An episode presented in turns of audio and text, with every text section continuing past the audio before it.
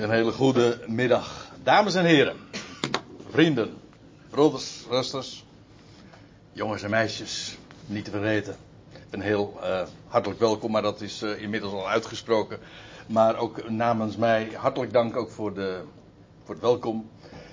En we gaan ons uh, vanmiddag, op deze prachtige zondagmiddag, eens bezighouden met, voor de derde keer, zoals u ziet, met het onderwerp van de eerstelingen. Nou ja, uh, dat in verband met Pinksteren eigenlijk voor het eerst, maar over de eerstelingen al zodanig hebben we het al diverse keren nu gehad. Uh, misschien is het goed om dat, al was het maar voor degenen die hier nog niet eerder waren, eventjes nog terug te blikken op wat we tot dusver hebben gezien. Enkele highlights, om het eens op zijn Engels te zeggen, uit de voorgaande studies. Wat sprong er zo uit en wat moeten we even goed in gedachten houden als we dan vervolgens verder gaan met uh, dat specifieke onderwerp van Pinksteren. Wat niet geheel toevallig natuurlijk ook uh, inmiddels uh, zeer voor de deur staat. Over een week is het zover. En ook in de Joodse telling is het trouwens zo dat op de Hebreeuwse kalender het momenteel, als ik me niet vergis, dag 43 is in de, in de telling naar Pinksteren toe. Ik kom daar straks nog even op terug. Laat ik even een paar dingen zo vertellen die we in ieder geval even goed in gedachten moeten houden. De God van de Bijbel, die handelt per definitie inclusief. Dat wil zeggen insluitend. Hij is degene die het geheel en ook allen op het oog heeft. Ik eventjes de Bijbel er zelf ook bij pakken. Dat is niet zozeer een hint voor jullie hoor. Maar wel zo handig voor mezelf. Dat als ik even een vers nodig heb, dat ik dat kan opzoeken. Dat is denk ik uh, zo ongelooflijk belangrijk om je te realiseren. Sterker nog, eigenlijk is het de, de basis, om niet te zeggen de inhoud van het evangelie. Namelijk dat God om zijn schepping geeft. Het is zijn schepping en daarom heeft hij het alles op het oog. Hij heeft liefde en trouw voor al zijn creaties. En daarom, uh, hij is de God die inderdaad om niet de hele schepping daar gaat brengen waar hij het he hebben wil. Dat is inclusief. Maar om dat inclusieve doel te bereiken, werkt hij middels eerstelingen. Nou, dat is tevens dan ook het onderwerp van deze serie waar we nu mee uh, bezig zijn. Eerstelingen. En die worden ook wel op een andere wijze uit, uh, aangeduid, namelijk als uitverkorenen. Namelijk mensen die uitgekozen zijn om deel te hebben of om instrumenten te zijn in dat handelen van God. Om dat doel te bereiken van het geheel, werkt hij via enkelingen of kleinere groepen die speciaal uitgekozen zijn. En uitverkiezing is in feite een exclusief begrip. Want je wordt uitgekozen. Je hebt een groep en daar worden er uitgekozen. Het woordje uit wil ook zeggen, eh, er is een keuze uit die groep. En in die zin is dat dat dus een, een exclusief begrip. Met uh, de gedachte natuurlijk dat het uh, een dient om het doel te bereiken. Die twee moet je heel goed uh, onderscheiden. Eigenlijk is het zo dat je uitverkiezing en het begrip van eerstelingen en de instrumenten die God gebruikt, dat is eigenlijk nummer twee. Dat wil zeggen, dat is uh, de waarheid die gebaseerd is op dat eerste, namelijk dat God het geheel op het oog heeft. In de Bijbel, en dat hebben we met name de eerste keer zo bedacht en overwogen en vele voorbeelden daarvan ook gezien, is het zo dat eerstelingen van de oogst, van de kudde, eerstgeborenen, al wat de baarmoeder opent, om het even plechtig te zeggen, op zijn Hebreeuws of zoals dat ook in de Statenvertaling vindt. Alles wat het eerste is, dat ontvangt altijd de hoogste bestemming. Al het eerstgeborene is van mij. Dat is het, eigenlijk het grote principe. Dat staat nummer 1. En als ik het zo zeg, dan heb ik meteen ook uitgelegd waarom dat zo is. Het is namelijk primair. Primair wil zeggen, eh, het staat bovenaan, het is het eerste, het gaat voorop. Het is trouwens grappig dat als je dat op zijn Engels zegt, dan zeg je first. Maar first heeft etymologisch, als het gaat om de, woordafleiding, alles te maken met, het, met ons woord vorst. De voorste, degene die het eerste is. Zodat die combinatie, die link tussen eerstelingen en het hoogste, het belangrijkste, dat wat voorop gaat ook heel ja, vanzelfsprekend is als je er even over doordenkt. De eersteling, enkelvoud, dat is er maar één, uiteraard. En dat is de Christus. Namelijk Christus Jezus, meer specifiek. Die als eerste het graf definitief leeg achterliet. Let, let op dat woordje definitief. Het was niet de eerste die zo opstond, maar wel de eerste die opstond om nooit meer te sterven. De dood voert geen heerschappij meer over hem en hij bracht onvergankelijk leven aan het licht. En dat deed hij ook op een specifieke dag. En daar gaan we straks uh, veel meer over uh, zeggen, dus ik hoef dat nu niet te doen. Hoewel, ik heb de vorige keer hebben we het met name over 1 Korinthe 15 gehad. En toen kwam dat ook al ter sprake, dat hij de eersteling is. En volgens mij heb jij het zojuist ook nog uh, gelezen. 1 Korinthe 15, ja, dat weet ik wel zeker, vers 23. Christus, de eersteling. Dus hij gaat allen die in Adam sterven, zullen in Christus worden levend gemaakt. En Christus is de eersteling. En de rest gaat volgen. Allemaal ieder in zijn eigen rangorde. Hij is de, de eerstelingsschoof. We hebben daarbij ook trouwens nog de vorige keer gezien dat het principe. Dat is een heel eigenaardig fenomeen dat we met name in het boek Genesis keer op keer eigenlijk als een vast patroon tegenkomen. Dat is dat het eerstgeboorterecht altijd naar de tweede gaat. En elke generatie, Abraham en dan bij Isaac en dan zie je het vervolgens ook weer bij Jacob. En dan zie je, daar is helemaal een hoop om te doen natuurlijk. Maar ook bij daar de zonen weer van. Uh, en ook weer bij de zonen van Jozef. U weet wel, van Ephraim en Manasse. Het gaat altijd omgekeerd. Het eerstgeboortgerecht gaat naar de tweede. En ook dat hebben we gezien aan, aan de hand van 1 Korinthe 15. Je kunt het uitleggen aan de hand van meer bijbelse lijnen. Maar 1 Korinthe 15 ja, zegt zo heel duidelijk dat het niet de eerste Adam is. Maar, en dat is dus uh, qua ontwerp, bij design. Het was al op voorhand uh, zo de bedoeling dat de laatste Adam het zou vervullen. En om een laatste Adam te zijn, moest er eerst een eerste Adam zijn. Het begint niet bij hem, nee, daar eindigt het. Dus uh, dat is ook zo'n prachtige illustratie van waarom inderdaad het eerstgeboorterecht altijd naar de tweede gaat. Waarom zou dat zo zijn? Nou, daar blijkt dus een hele diepe, geweldige waarheid aan ten grondslag te liggen. Nou, en nu gaan we dus in deze derde studie verder over de eersteling. En dat wil ik doen aan de hand van een hoogtij. Een hoogtij op Gods kalender. De hoogtijden van Yahweh, zo heten ze. Wij spreken dan wel eens weer vaak over, over Israëls feestkalender. En dat kun je zo doen. Maar eigenlijk, en dat is de uitdrukking die God zelf daar ook voor bezigt, is de kalender die hij aan Israël gaf. Dat zijn de hoogtijden van Yahweh, mijn hoogtijden. Nou, laat ik even in kort een overzicht daarvan geven. Het zijn een, dat had je ook kunnen bedenken, een zevental feesten, een zevental hoogtijden. Later zijn er nog weer andere hoogtijden bijgekomen.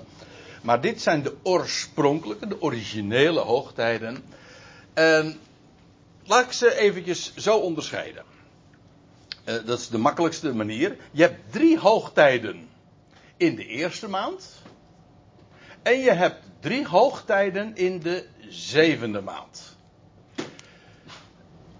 Om te beginnen bij die eerste groep.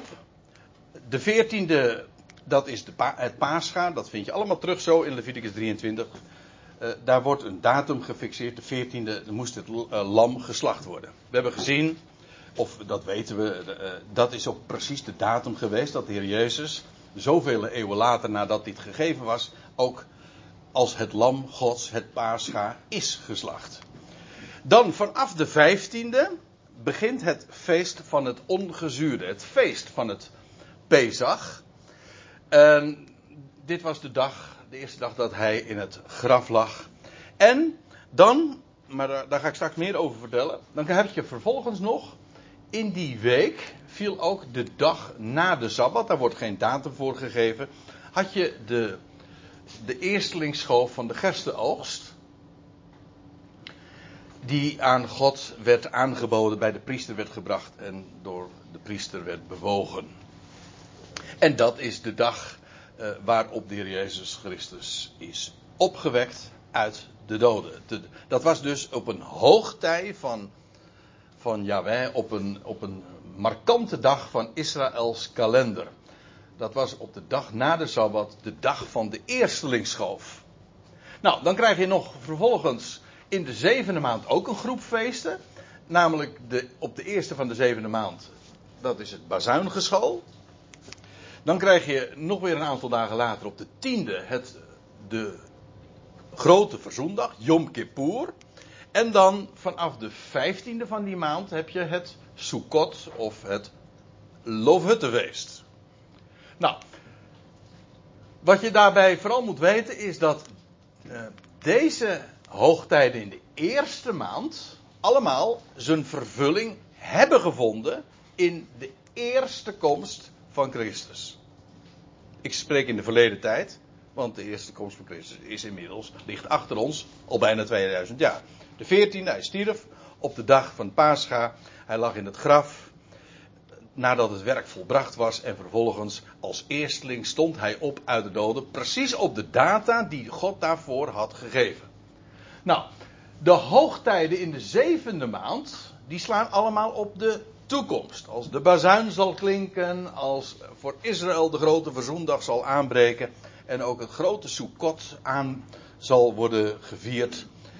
En dat ga ik nu niet uitleggen, maar het is, moet duidelijk zijn dat al die feesten, en ligt ook al voor de hand, zijn vervulling vinden als, als de komst van de Messias voltooid wordt. Vandaar ook in de zevende maand. Het is de maand van de volheid. Dan is de komst van Christus compleet. Uh, u zegt van, ja wacht even, maar nou ontbreekt er nog één. En dan zeg ik, dat klopt. En daar gaan we het nu juist over hebben. Want er ligt één hoogtij tussen de eerste maand en de zevende maand. En dat is een hoogtij in de derde maand. En dat is het zogenaamde wekenfeest. In het Hebreeuws heet dat Shavuot, maar Shavuot betekent is gewoon het meervoud van week. Eén week eh, en uh, meerdere weken. En het heet zo wekenfeest omdat het een week van weken is. Zeven maal zeven dagen liggen er tussen een zekere dag en het uiteindelijke uh, wekenfeest. Ik kom daar straks uh, nog op terug, dus don't worry als het niet helemaal vat. Uh, dat betekent dus dat je een, een, week van weken hebt, 49 dagen. En na de 49ste dag krijg je dus, ja, de 50ste dag. En dat is wat het woord Pinksteren ook betekent. Pinksteren betekent gewoon 50ste.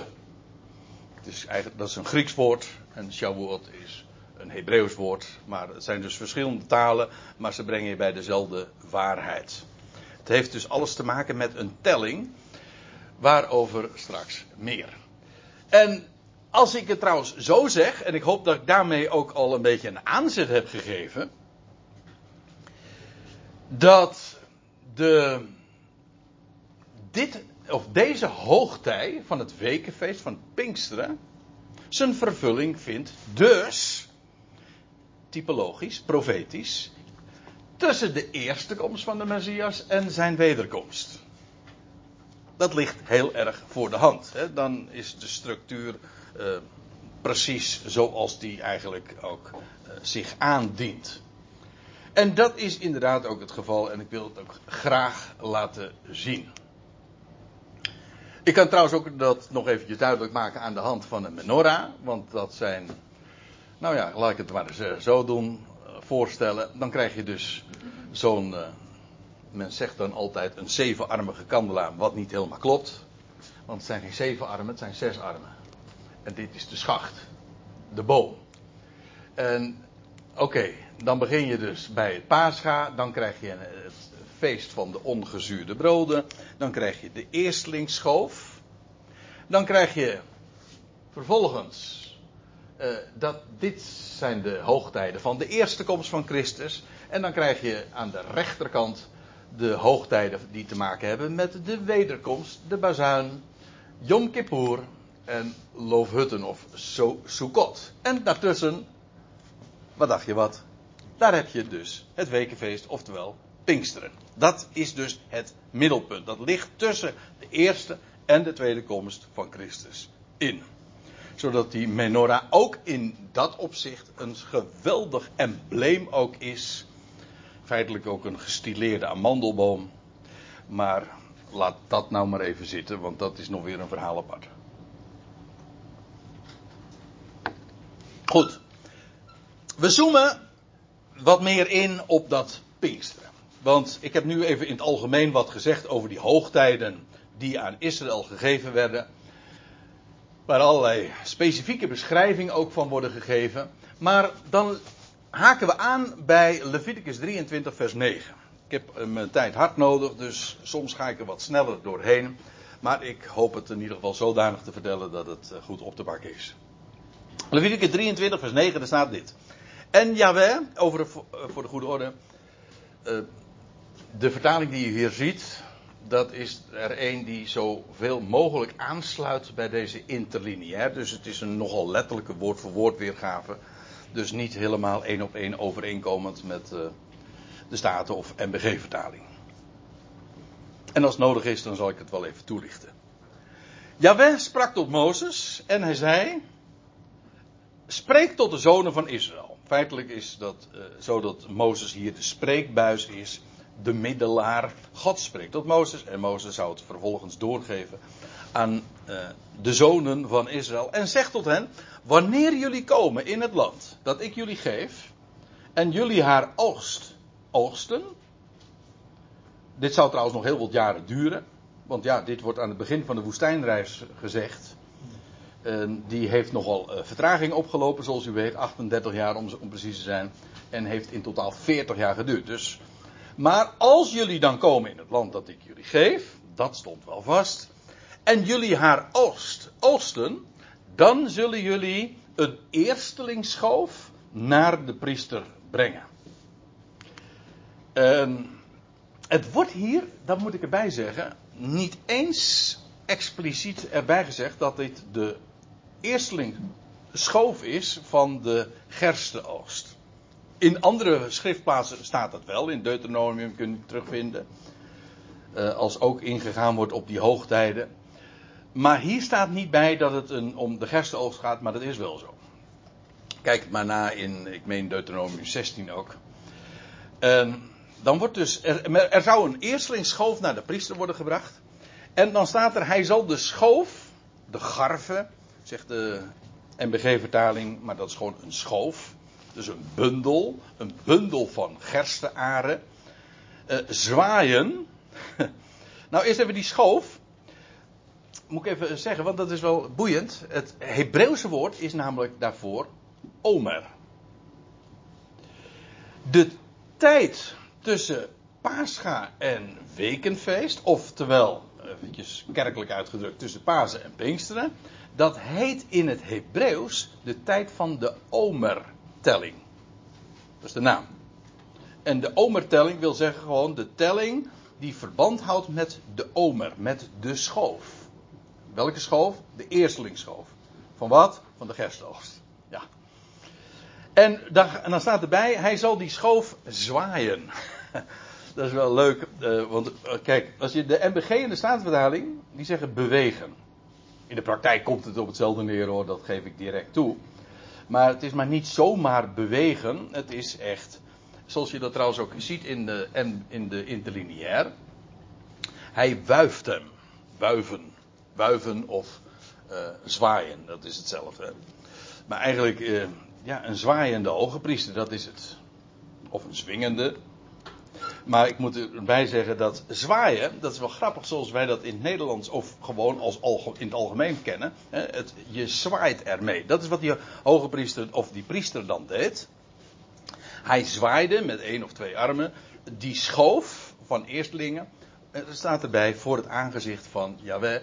En, maar wat eh, wij doen bij zwaaien, ja, wanneer doe je dat? Om eventjes te zeggen van uh, attent, uh, of attentie, weet je wel. Waar ben je? Nou, dan ga je even zwaaien, weet je wel. in het algemeen zwaaien wij ook om te begroeten. Toch? Of uitzwaaien. Ja, uitzwaaien kan ook nog, dan neem je afscheid. Maar het is een begroeting. Het is ook een levensteken. Ik moet zeggen, als ik het er zo bij nadenk, dan vind ik dat allemaal zo mooi. Want ja, we hebben het. Ik, kom dat, ik ga dat straks ook even laten zien. Dit is de dag waar hierover gesproken wordt van de eerstlingsschoof. Dit is de dag die zijn vervulling heeft gevonden toen de eersteling uit de doden verrees. En hij was degene die op die dag inderdaad ging bewegen. En bewegen is eigenlijk ook, ja, wat geeft dat te kennen? Dat er iets leeft. Hè? Uh, als iets dood is, dan ligt het stil. En als het leeft, dan beweegt het. Maar in dit geval is het ook het idee van dat van zwaaien en ook van begroeten. We gaan straks trouwens zingen. Wees gegroet, gij eersteling der dagen. Ja. En ik, ik de, ik stel me zo voor die dag dat hij opstond, tot beweging kwam als eersteling op die specifieke dag. Ja, toen. Uh, attentie, ik ben er. Hè? Uh, wees gegroet. Hè? Ik, ik, ja. Ik, ik ben er weer. Ja, en dat was met recht een levensteek. Een teken van leven. Met allemaal hoofdletters. Nou ja, die priester die zou die schoof dus gaan zwaaien voor het aangezicht van Yahweh, opdat jullie welgevallig zijn. Zo staat het er.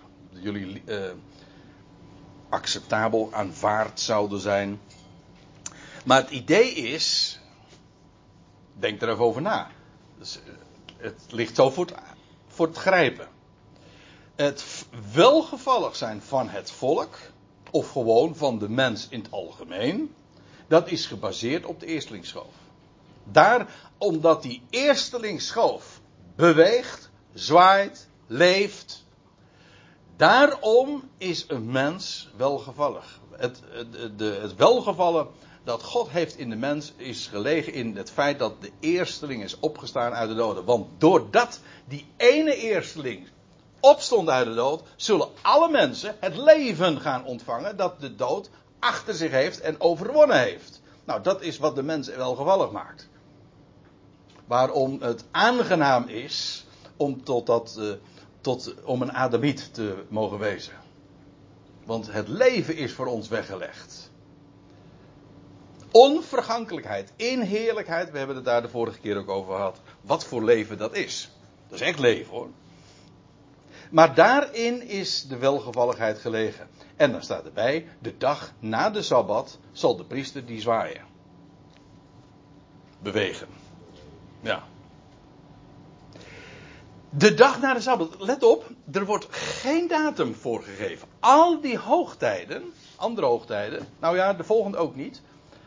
Die van Pasen en Pinksteren, wordt, daar wordt geen datum voorgegeven, maar wel een weekdag wordt ge, vastgelegd, gefixeerd.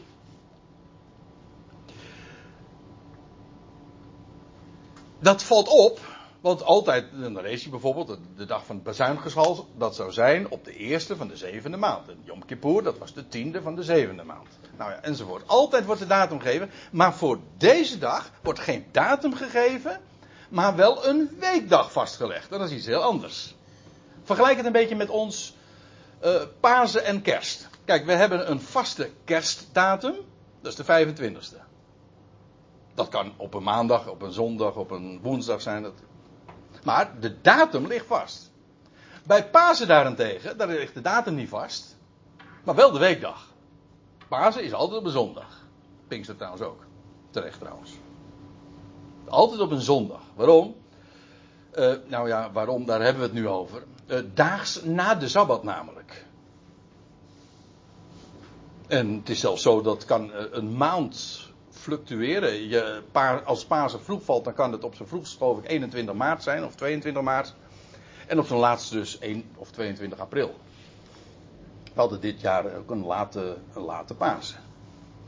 Maar de dag staat, ligt vast. En dat is nu met, uh, met deze dag van de eerstelingsschoof ook. Er wordt geen datum vastgelegd. Maar wel een dag, een weekdag. Namelijk, het is de dag na de Sabbat. Zal de priester die, die zwaaien of bewegen of wuiven of whatever. En jullie zullen op die dag waarop jullie de schoof doen zwaaien een gaaf eenjarig mannetjeslam tot opstijgoffer bereiden. We hebben het nu nog steeds dus over die dag van de eerstelingsschoof. Hè? En op die dag zou men, dat wordt tegen Israël gezegd, zou men de, ja, als de schoof dan uh, die zwaait of swingt of wuift, beweegt. Uh, bij dat alles zou een gaaf eenjarig mannetjeslam tot opstijgoffer worden bereid. Opstijgoffer, in de gewone vertaling staat een brandoffer. Maar eigenlijk is een brandoffer. Een, in het Hebreeuws staat hier het woordje. Uh, heeft te maken met ja, naar boven. Hetzelfde als wat we trouwens kennen van die Israëlische vliegtuigmaatschappij. El al betekent. El al betekent naar boven. En dat woord wordt hier ook gebruikt. Het, gaat, het is een offer dat naar omhoog gaat. Dat opstijgt. Natuurlijk kun je zeggen van ja, maar dat gebeurt bij brand toch ook, dan gaat het toch ook omhoog. Jawel, maar het, idee is niet dat van vuur en brand, het idee is dat van opstijging. En let nou eens op wat er gebeurt. Dus op die dag van die schoof, van die eerstelingsschoof, zou er een eenjarig gaaf, of een gaaf, let op, let op, een gaaf geslachtlammetje stijgt op. Dat is wat er gebeurt. Dus met die schoof, op diezelfde dag, een, een, lammetje dat eerder geslacht was. En vervolgens, die slachting is nog niet het offer. Dat offer vindt na de slachting plaats. Eerst de slachting. En vervolgens werd het een, ja, kwam het op het altaar, werd het verhoogd en steeg het op. En dat was een gaaf. Een onberispelijk, hoe staat het? Ja, een onberispelijk of ja, een gaaf dier. Waar dus geen gebrek aan was. En dat steeg dan op naar boven, naar God. En dat past natuurlijk perfect bij waar we het over hebben. De dag van de eerstelingsschoof. Dat is de dag dat hij, dat lam dat geslacht was, opstond uit de doden. Het lammetje, dat is precies wat Johannes zag. Ik, zie, ik zag een lammetje staande als geslacht. Het was geslacht. En normaal gesproken staat dat niet, maar ligt dat. Ja, maar in dit geval, dat is juist het geweldige wonder. Dat lammetje dat geslacht is, dat is opgestegen, dat staat, dat is als eersteling verrezen. Hij is die eerstelingschoof. En dan te bedenken dat God daarvoor al een dag had gemarkeerd. Die dag. Ja, dat verzie je toch niet? Dat is geen mensenwerk, dit is goddelijk design en goddelijke voorzegging. Want in de voorzegging, in de profetie, profetie betekent voorzegging, demonstreert dat God ook wie hij is en dat hij een plan uitwerkt. Waar niets en niemand ook iets aan kan toe of afdoen. Dat vind ik zo geweldig. Dat is gewoon een mededeling. Nou ja, en er staat er ook nog bij. En zijn spijs, want bij dit opstijgoffer werd er ook nog een spijsoffer bereid van twee tiende fijn meel, dat dan een, vermengd was in olie. Nee, niet in aardolie, in olijfolie. Dat begrijpt u, hè? En olijfolie, en dat had je ook kunnen bedenken, is in de Bijbel ook altijd weer een embleem van leven. Al was het maar omdat het voortkomt uit een boom die niet doodgaat, die zich altijd regenereert. Een olijfboom gaat niet dood, hè? Dus al, op zich al een uitbeelding van een boom die, die de dood overwint. Wel, dat spul wat uit die boom produceert, dat is olijfolie. Wat trouwens ook erg veel geneeskracht uh, heeft, in zich heeft en gezond is. Afgelopen vrijdag was ik bij mijn vader en toen hadden we nog een heel gesprek over, over van origine de, de, de, de mediterrane landen, hoe uh, de levensverwachting is en dat die mensen zo gezond zijn en dat werd dan gelieerd aan juist ook het gebruik van olijfolie. Maar goed, uh, dat zijn maar zo van die associaties. En bovendien, uh, dat lijkt me ook wel heel belangrijk. Uh, ik moet trouwens meteen aan denken dat ook wonden ontsmet worden met olijfolie. En, en olijfolie in de Bijbel wordt ook heel dikwijls gebruikt voor licht. Het is een bron, het is een energiebron dus. Dat heeft het met alle olie gemeen. Maar het produceert licht. Als die hoge priester het heiligdom inging, dan ging die die kandelaar, weet u wel, die menorah, ging die bijvullen met olie. Produceert leven. Eigenlijk het licht van het leven is het. Het licht des levens. Maar het wordt hier geassocieerd, of in ieder geval direct gekoppeld aan de dag van de eerstelingsschoof. Een vuuroffer voor Yahweh, een rustgevende geur of een liefelijke geur en zijn plengoffer. Een plengen, dat is een werkwoord en dat doe je met drank. Vandaar ook dat sommige vertalingen spreken over een drankoffer. Het staat er trouwens gewoon bij met een vierde hin, dat is een inhoudsmaat, wijn. Maar wat ik van olie zei, kan ik ook van, van wijn zeggen, want ook dat is een type van opstandingsleven. Wijn, geestrijk vocht, het is maar niet zomaar druivensap, nee, het is, komt uit de kelder, uit, het, uit de grafkelder. En dan, als het uit de kelder komt, dan is het ineens, dan zit er geest in. Wat blij maakt, wat vreugde geeft, een type van leven uit de dood. En dan zeggen we, Legaim, op het leven. Nou, dat is, dat is wijn. Dus met die eerstlingsschoof was daar en een opstijgingslammetje. U begrijpt hem inmiddels. En bovendien uh, dat spijsoffer dat uh, vermengd was met in, in olie, aangemaakt in olie. En bovendien ook een drankoffer. Dus brood en wijn, eigenlijk, dat is het idee. Dit was brood en dit is wijn. Maar dat is inderdaad een beeld van eenheid, gemeenschap en leven. Dat is allemaal op die dag. Nou, er staat er nog bij, tot op die dag zullen jullie geen brood of geroosterd koren of vers gewas eten.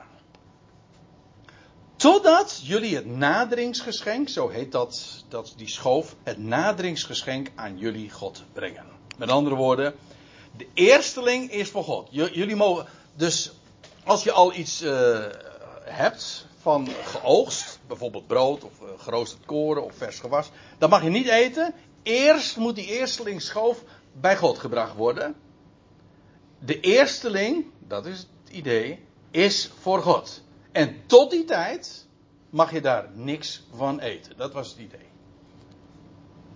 En daarmee zijn we dus weer gedemonstreerd dat inderdaad de eerste voor God is. De hoogste. Het is een Ionische inzetting. Een inzetting voor de olam, voor de eeuw. In jullie generaties, in al jullie woonplaatsen. nou, en, want je zou nu de vraag kunnen stellen, maar André, jij zou het toch over Pinksteren hebben en je hebt er nog niks over gezegd. Nee, dat komt. Ik moet eerst eventjes een bodempje leggen. Wat is, want Pinksteren is namelijk volledig gebaseerd op en gaat uit van de eerstelingsschoof. Als je dat niet duidelijk hebt, dan begrijp je Pinkster ook niet. Want let maar op. Dan staat er in vers 15 van Leviticus 23. En jullie zullen tellen.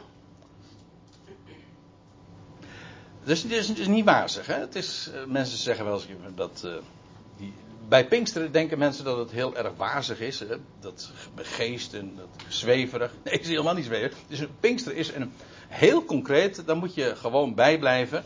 Dan moet je namelijk gaan tellen. Niet dat het zo'n ingewikkelde rekensom is, maar je moet gewoon wel tellen. Op je vingers, ja. Nou, daar heb je aan uh, twee handen niet genoeg trouwens. Dat niet. Maar jullie zullen tellen vanaf de dag na de Sabbat. Vanaf de dag dus waarop jullie de schoof van, het, van dat zwaaien, van dat beweegover hebben gebracht. Vanaf die dag. En dan staat erbij: zeven onberispelijke of vollen of volkomen sabbatten zullen zijn. Aha, dus moet, men moest gaan tellen. En dan moest men zeven volle of complete sabbatten gaan tellen. Nou, Laat ik dat eens eventjes doen. Ik heb een tabelletje gemaakt. Het was op de dag, van een, de dag na de Sabbat dat men begint te tellen. Dat was de dag van die eerstelingsschoof. Jezus Christus verrees. Oh, dat ben ik nog helemaal vergeten te zeggen. Maar ik heb bij een vorige gelegenheid geloof ik wel eventjes aangestipt. Als wij in onze Bijbel lezen over de eerste dag van de week. Dan was dat, daar ben ik vast van overtuigd, inderdaad een eerste dag van de week. Dat wil zeggen een zondag. Dat is de dag na de Sabbat. Maar vergis u niet, het was maar niet zomaar een zondag. Die uitdrukking de eerste dag van de week is letterlijk de eerste van de Sabbatenreeks. Het is namelijk de dag, en dat die uitdrukking verwijst naar één specifieke dag, namelijk de dag van de eerstelingsschoof. Heel jammer dat men daar zomaar van gemaakt heeft de eerste dag van de week, alsof het zomaar op een willekeurige zondag zou eh, betrekking hebben. Dat is niet zo. Het is een hele specifieke zondag. Het is namelijk de, de zondag dat die eerstelingsschoof van de gerstenoogst door de priester bij God uh, bewogen werd. Afijn, dan begint men dus te tellen. De dag na de Sabbat. Nou, en dan gaan we stellen. Ik heb het eventjes voor u gedaan. En dan ga je uh, tellen op die dag. Begin je dus op de zondag. En dan is maandag de tweede dag, dinsdag de derde dag. Nee, ik ga het zo niet helemaal voorbij. Maar om eventjes een, een, een indruk te wekken. En dan, aha, wacht even. Dan zijn we bij de Sabbat. Dat is de eerste Sabbat. Maar ze men moest zeven, zeven Sabbatten gaan tellen. Nou, dit is de eerste Sabbat. En dan ga je verder tellen. En dan kom je bij de tweede Sabbat. Dat is dag 14. En dan ga je verder tellen. En dan kom je bij dag 21. En dat is de derde Sabbat dus. 7, 14, 21. Ja, ik ben haast geneigd om te zeggen hop. Dat spelletje spelen vroeger dan. Hè? Maar uh, dit, dan krijg je de 22e dag en dan ga je weer een week verder. En dat is de vierde Sabbat. En dan ga je weer een week verder tellen. De 35e dag, dat is de vijfde Sabbat. De zesde Sabbat. En wij zitten nu trouwens dat was gisteren. Ik bedoel, in de, als, als, u nu uh, naar de. Als u kijkt bij een Hebreeuwse kalender, een Joodse, van, van Joodse feestdagen, dan zul je zien dat het gisteren dag 42 was. De zesde zabbat in die Omer-telling. En dat betekent dus dat het vandaag dag 43 is. Ik zei het al eventjes. Heel toevallig dat het dit jaar, trouwens Pinksteren, exact overeenkomt ons het kerkelijk Pinksteren, met het Joodse Pinksteren. Dat is hoogst uitzonderlijk. Dat meestal niet zo. Dat is nog een heel verhaal eh, apart, hoe, dat, uh, hoe de kerkelijke praktijk is ontstaan. Ik heb daar weinig waardering voor. Want daar zitten hele antisemitische elementen zelfs nog in. Maar goed, dat is nu even niet aan de orde. Het gaat er eventjes om, men moest tellen vanaf de dag van naar de Sabbat. Nou, dan zijn we hier bij dag 43 en dan tellen we. We hebben nog één Sabbat nodig. En dan krijg je vervolgens, ik heb hem voor het gemak ook maar even niet de zaterdag nog genoemd, maar de Sabbat. Uh, en dan krijg je de 49ste dag. De 49ste dag, dat is de zevende Sabbat. Ziet u? Maar, en men moest zeven Sabbatten tellen. En dan staat erbij. Uh, tot de dag na de, zeven, na, na de zevende Sabbat zullen jullie tellen 50 dagen. Aha, maar dat is logisch. Dan krijg je de 49 en dan krijg je dus de 50ste dag. En dat is net als die eerste natuurlijk weer een zondag. Een dag na de Sabbat dus. 7 maal, na 7 maal 7. Dus een volheid van volheid. Dus 7 kwadraat. Je hebt trouwens ook nog zoiets als 70 7 maal 70. En je hebt ook nog 70 maal 70. Dat is het verhaal van de, of de, de profetie van die 70 jaarweken. In Daniel 9. Al, dus op welk niveau, of je het nou de, van, van de enkele getallen, de natuurlijke getallen, of je neemt van de tientallen. Uh, het klopt altijd. Maar het is, het is trouwens nog iets, uh, zit daar aan vast, en dat is dat 7 het getal van de volheid is. En als 7 volheid is, wat is 8 dan? Ja, dat is een overvloed. Hè? Dat is trouwens grappig, want het Hebreeuwse woord voor overvloed heeft daar alweer alles mee te maken. Met 8. En ook weer een nieuw begin. Dat is ook zo. Want ja, na een reeks van 7 krijg je weer een nieuw, een nieuw begin. Hè? Na, want je zegt de, de, de dag na de Sabbat is de achtste dag. achtste dag was trouwens ook altijd de dag van de besnijdenis. Maar dat is de achtste dag, jawel. Maar je kunt ook zeggen dat het gewoon de eerste weer van een nieuwe reeks. Dat is in de muziek trouwens ook zo. Want dan heb je do, re, mi, fa, sol, la, ti. En dan krijg je weer do. Dat is de, de, de octaaf. Oct, dat is de achtste. Weer na zeven, naar zo'n toonladder. Dan krijg je vervolgens weer een nieuwe. En je hebt ook zeven kleuren. Hè? Van de regenboog bedoel ik. Nou ja, er zijn uh, heel wat. Zijn, er zijn zo heel wat van die dingen. We gaan, we gaan even verder. Uh, tot de dag na de zevende sabbat zullen jullie tellen. Vijftig dagen. Dus. En dat is vandaar dus Pinksteren betekent vijftigste. En het was na zeven weken en daarom wekenfeest. Die hele periode tussen de dag van het beweegoffer of van het zwaaioffer en het wekenfeest, dat is dus de tijd van de omertelling. Vijf, zeven sabbatten moest men tellen. Men moest sabbatten tellen en men moest dagen tellen. In, de, in het Jodendom heeft men, is dat ook weer liturgisch met kalendertjes en dergelijke. Wordt er echt heel specifiek ook elke dag geteld. 50 dagen tellen, maar ook alle sabbatten worden geteld, specifiek. Daar heb je mooie hulpmiddeltjes voor gemaakt. Dat, allemaal gewoon conform zoals het was gezegd. Alleen het probleem is natuurlijk, je kan dat natuurlijk wel vieren en zeggen van ja, zo is het gegeven. Maar inmiddels heeft de vervulling zich aangediend. En, en daar gaat het om. Daar verwijst nou, het is niet zomaar wat. Zijn maar niet zomaar oogstfeesten. Nee, het heeft een hele diepe gedachte en een, een, een oogmerk. En God wijst in alles naar zijn zoon. En dat is met deze hoogtijden ook zo. En zoals al die hoogtijden in de eerste maand, de 14e, de 15e, de dag van het beweegoffer, en de Pinksterdag een letterlijke vervulling kregen. Letterlijk, ik bedoel op die specifieke dag. Ik kom er hier nog wel op terug, de Pinksterdag. Zo zou je dat trouwens uh, gewoon kunnen doorrekenen. Wat denkt u hoe het zal gaan met de dag van de bezuingeschal?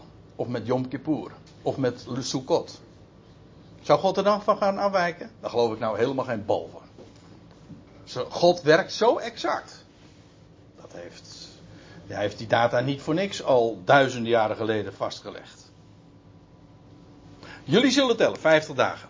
Dan zullen jullie een nieuw spijsoffer aan Yahweh brengen. Een nieuw, dat wil zeggen een nieuw soortig. Een, een, een, een die anders was dan jullie tot dusver kenden. Hoezo nieuw? Ja, dat het niet hetzelfde spijsoffer was als het voorgaande, uh, materieel gezien, dat is nogal logisch. Je brengt altijd weer een nieuw offer. Maar het, dat zou overbodige informatie zijn, maar het is nieuwsoortig. Een, een andere dan jullie tot dusver kenden. En waarom dat zo is, nou, dan moeten we even doorlezen. Hou me even vast. Vanuit jullie woonplaatsen, hè, ze worden al beschreven als, als, als in het land verkerend. Vanuit jullie woonplaatsen zullen jullie dan twee. Ja, ik heb er eventjes om aan gedacht van hoe zal ik dat nou weergeven. Maar ik moest consequent blijven. Zullen jullie twee zwaaibroden brengen? nee, kijk niet na in Vandalen of u dat woord dan tegenkomt, want uh, te. Trouwens, dat geldt voor beweegbroden ook. Kijk, zijn, het zijn zwaaibroden, want dat zijn die broden waarmee dan gezwaaid wordt. Hè? Uh, het verwijst naar wat ermee gedaan wordt, niet waaruit het bestaat. Je hebt natuurlijk uh, krentenbrood, dat is, ja, en je hebt uh, volkorenbrood, dat is waar dat brood van gemaakt is. Ja, maar een beweegbrood is niet, het is niet bewaakt, gemaakt van zwaaien of van bewegen. Nee, het, is, het zijn broden waarmee wat gedaan wordt. Namelijk, het wordt bewogen, het wordt mee gezwaaid of nou ja, whatever. En dat zijn die twee zwaaibroden. Excuus als, als het vreemd is, maar zo heeft zo wordt dat genoemd. Het is eigenlijk vrij duidelijk. Er was gesproken over broden waarmee gezwaaid zou worden, gewuifd, bewogen. En dus heten ze gewoon zwaaibroden. Ja. ja als je het eenmaal weet, dan, ja. Eh, dan val je er niet meer over. Je lacht er één keer om en dan, oké, dan hebben we dat ook weer gehad. Dan snappen we dat. Hm? Twee zwaai, uh, ja, er staat nog bij. Twee, hè? Dat is opvallend. Het was één schoof die zeven weken eerder was gebracht. Die ene schoof, die e- op de dag na de Sabbat. En nu zijn ze weer op een dag na de Sabbat, op die vijftigste dag. En wat zou er dan gebeuren? Nou, dan zou men twee uh, want ook met die broden zou gezwaaid worden. Zoals met die schoof ooit gezwaaid werd, zo zou er ook met die broden uh, gezwaaid worden. En dat zijn er twee. En het, valt op, want er zijn twee zwaaibroden. En het is ook gemaakt van twee tienden Eva fijn meel. Dat is gewoon een inhoudsmaat. Hoeveel dat precies is, doet nu even niet ter zake. Maar het is uh, allemaal uh, vrij exact uh, terug te berekenen. Want ook die inhoudsmaten worden dan precies beschreven wat dat dan is. Dus, en het aantal van die broden, maar ook de maat waarmee dat dan bereid werd, wordt ge, daarin uh, springt het getal 2 eruit. Ik kom er straks nog even op terug. Eerst even dit. En nu komen we op een heel opmerkelijk ding. Wat in de offerdienst volstrekt uniek is. Er staat namelijk bij: ze worden gezuurd gebakken. En nou begrijp je ook meteen waarom het een nieuw spijsoffer is. Want dat was namelijk nooit aan de orde bij een spijsoffer. Trouwens, in de hele offerdienst had zuurdesem geen plaats. Sterker nog, er was uh, 50 dagen eerder ongeveer, had men het feest van het ongezuurde gevierd. Het is een, heel, een week lang viert men feest met brood dat niet gezuurd is. Zuurdesem heeft altijd te maken in de Bijbel, ook als beeld, uh, is het een beeld van ja, van de oude schepping die vergankelijk is. Die, en u weet hoe dat gaat met dingen die verouderd is, zijn. Die worden zuur. Toch? Ja, we hadden het in de auto nog over zure regen. Waar je nooit meer over hoort trouwens. Nu hebben we weer iets anders uitgevonden. Maar goed. Uh, zuur. Uh, maar en als je de melk nu uh, gewoon te, eventjes uit de koelkast haalt, dan is het in no time is het ook zuur. Eigenlijk het, het, idee bij zuur, deze, is het, dat is gist. Het woord zegt het al, gist. Daar zit het woordje gist, uh, ons woord gisteren. Gist is eigenlijk een stukje deeg van de vorige dag. Dat is gist. Van, het is eigenlijk dus deeg van gisteren. En dat, en, en dat is zuur.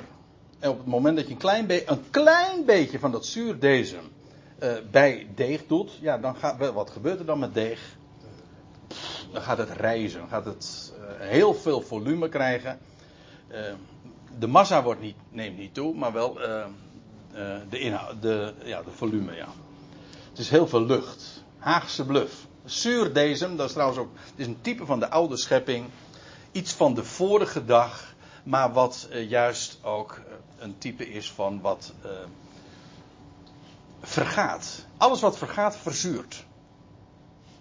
Trouwens, dat is het leuke met die ongezuurde broden met matzes. Die kun je net zo lang houden als, als dat je wil. Hè. Dat, dat, in principe blijft dat gewoon goed. Maar gewoon brood niet. Nou, dat is zuur. Het is een type van de oude schepping. En nou, nog wat. Dat. Uh, ja, het is nieuw. Kijk, in het algemeen is het zo dat zuurdesem altijd een negatieve betekenis heeft in de Bijbel. In Paulus spreekt in 1 Korinthe 5 over het zuurdesem van slechtheid en boosheid. Maar waarom hier dan een gezuurde broden die als offer dienen, als een spijsoffer? Nou, er staat bij. Kijk, laat ik nog even iets zeggen. In het algemeen wijzen offers altijd naar Christus. En hier niet in de eerste plaats. Hier verwijst die, verwijzen die twee broden niet naar Christus, maar naar, naar de Ecclesia. Die op de dag van de, het Pinksteren inderdaad ontstond. De Ecclesia, en ja, wat is daar twee aan? Nou, die Ecclesia is inderdaad, komt voort uit de oude schepping. Toch?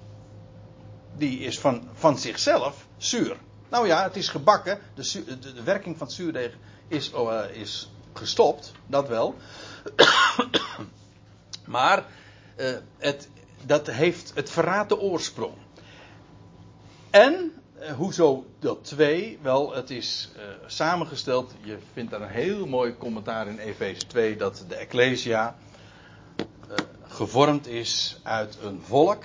Ja, van nabij, de Jood, en van veraf, de heiden. Israël en de natie. Die, die Ecclesia, is, daarin zijn de twee één geworden. Van huis uit zijn ze zuur, maar in de handen van de priester worden ze één. En eh, worden ze ook worden het beweegbroden. Het is eigenlijk zo dat wat er op de Pinksterdag gebeurde in het, boek, in, Handelingen. Dat wisten ze toen trouwens niet. Pas later zou Paulus dat allemaal onthullen. Maar op die dag, inderdaad, ontstond daar een, een groep. Die eerstelingen werden. Dat staat er ook bij. Eerstelingen voor Jahweh. Kijk, gerekend vanaf de eerstelingsschoof zijn deze twee broden de eerstelingen voor Yahweh. Dus, de eersteling stond op uit de doden, daags na de Sabbat, exact vervuld. En wat gebeurde er vijftig dagen later? Toen begon de vorming van een volk. Inderdaad, vanuit gevormd met de origine van de oude schepping, niet van zichzelf volmaakt. Christus wel. Die is, was gaaf. Uh, dit volk is dat van huis uit helemaal niet. Ze is gezuurd. Dat is haar oorsprong. Ze is ook twee. Dubbel. Jood en heiden. Je kunt trouwens nog allerlei andere dualiteiten in de Ecclesia onderscheiden. Maar het is gevormd uit twee. Maar de twee zijn één gemaakt. En ja, dat is dat volk voor zijn naam, uit de natieën. Wat God vandaag aan het vormen is. En uh, dat is helemaal een fraaie in Hebreeën 12. Ik zou graag eh, met u daar naartoe gaan, maar de tijd ontbreekt mij. Maar wat er vandaag gebeurt, is dat God een ecclesia aan het vormen is. Van eerstgeborenen. Van eerstelingen.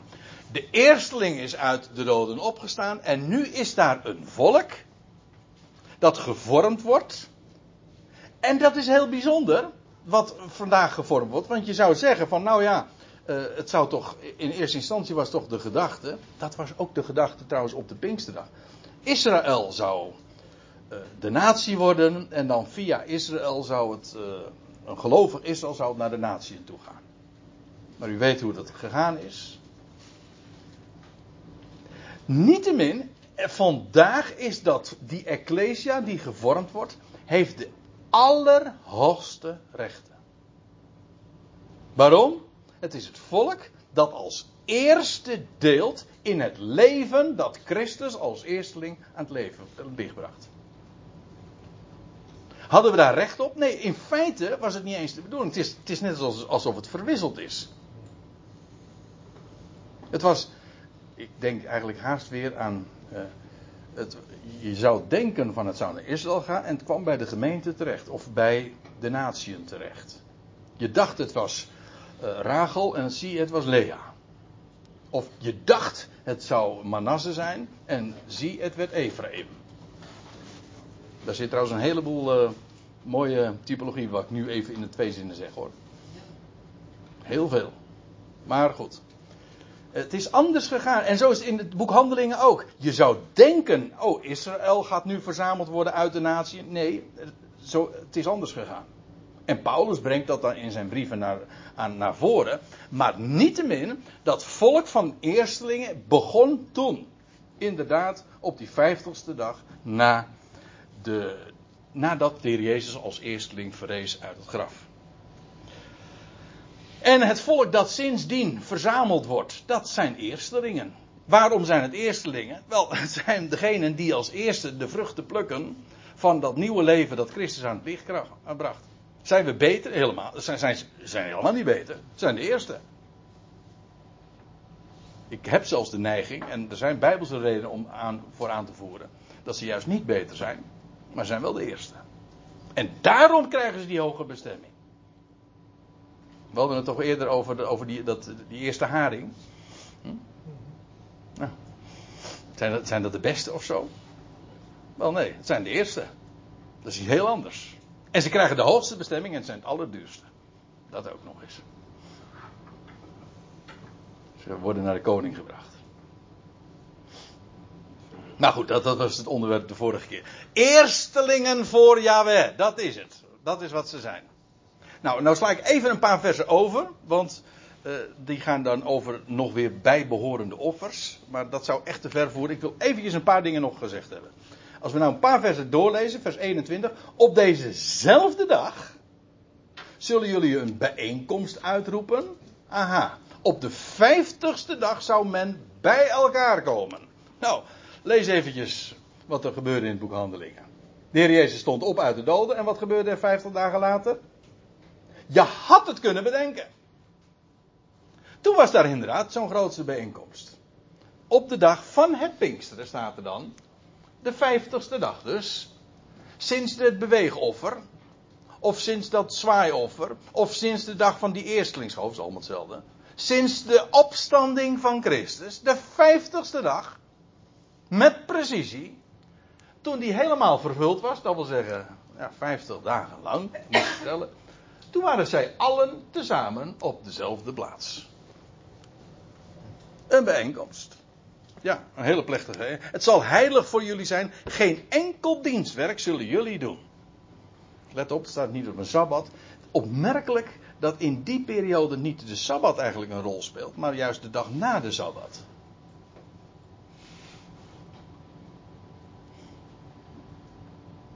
Nee. Uh, de, maar ja, ik zat even te aarzelen om nog iets anders te zeggen over de Sabbat, maar dat is te ver. Uh, even dit. Geen enkel dienstwerk zullen jullie doen. Weet je wat daarachter zit?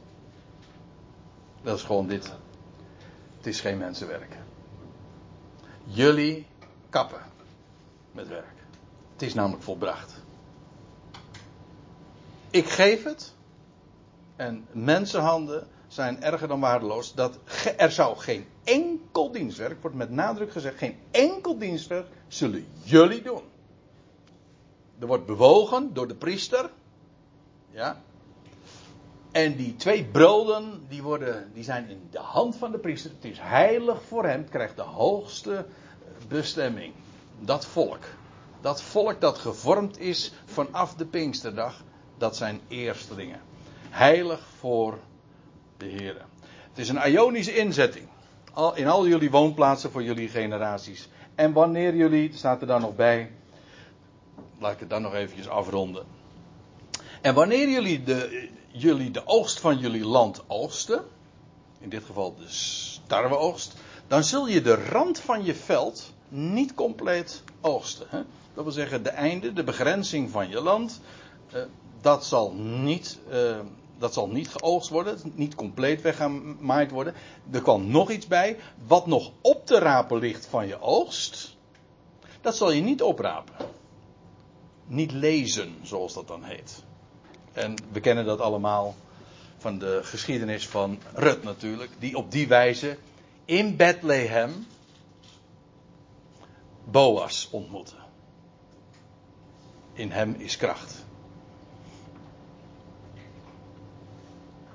Ja, ik, u hoort mij nu iedere keer uh, even aarzelen. En ik, ik, hoor het mezelf nu ook, omdat ik iedere keer denk van, daar wil, zou ik graag wat meer over willen vertellen. Want er zit namelijk zoveel nog weer in. Over wat daar gebeurde met Rut en Boas. En hoe ze elkaar op de dorsvloer tegenkwamen. Doen we niet. Het gaat er even om dat... Uh, er men zou laten liggen. En dat was vooral, staat er dan nog bij, voor de nederige en voor de vreemdeling. Voor de armen, of eigenlijk de vernederde, en voor de vreemdeling. Die eh, zul je dat allemaal laten liggen. Met andere woorden, Pinksteren was eh, bedoeld, had het oog ook juist gericht op de natieën. De vreemdeling. Voor hen was het brood voor hen waren die aren bestemd.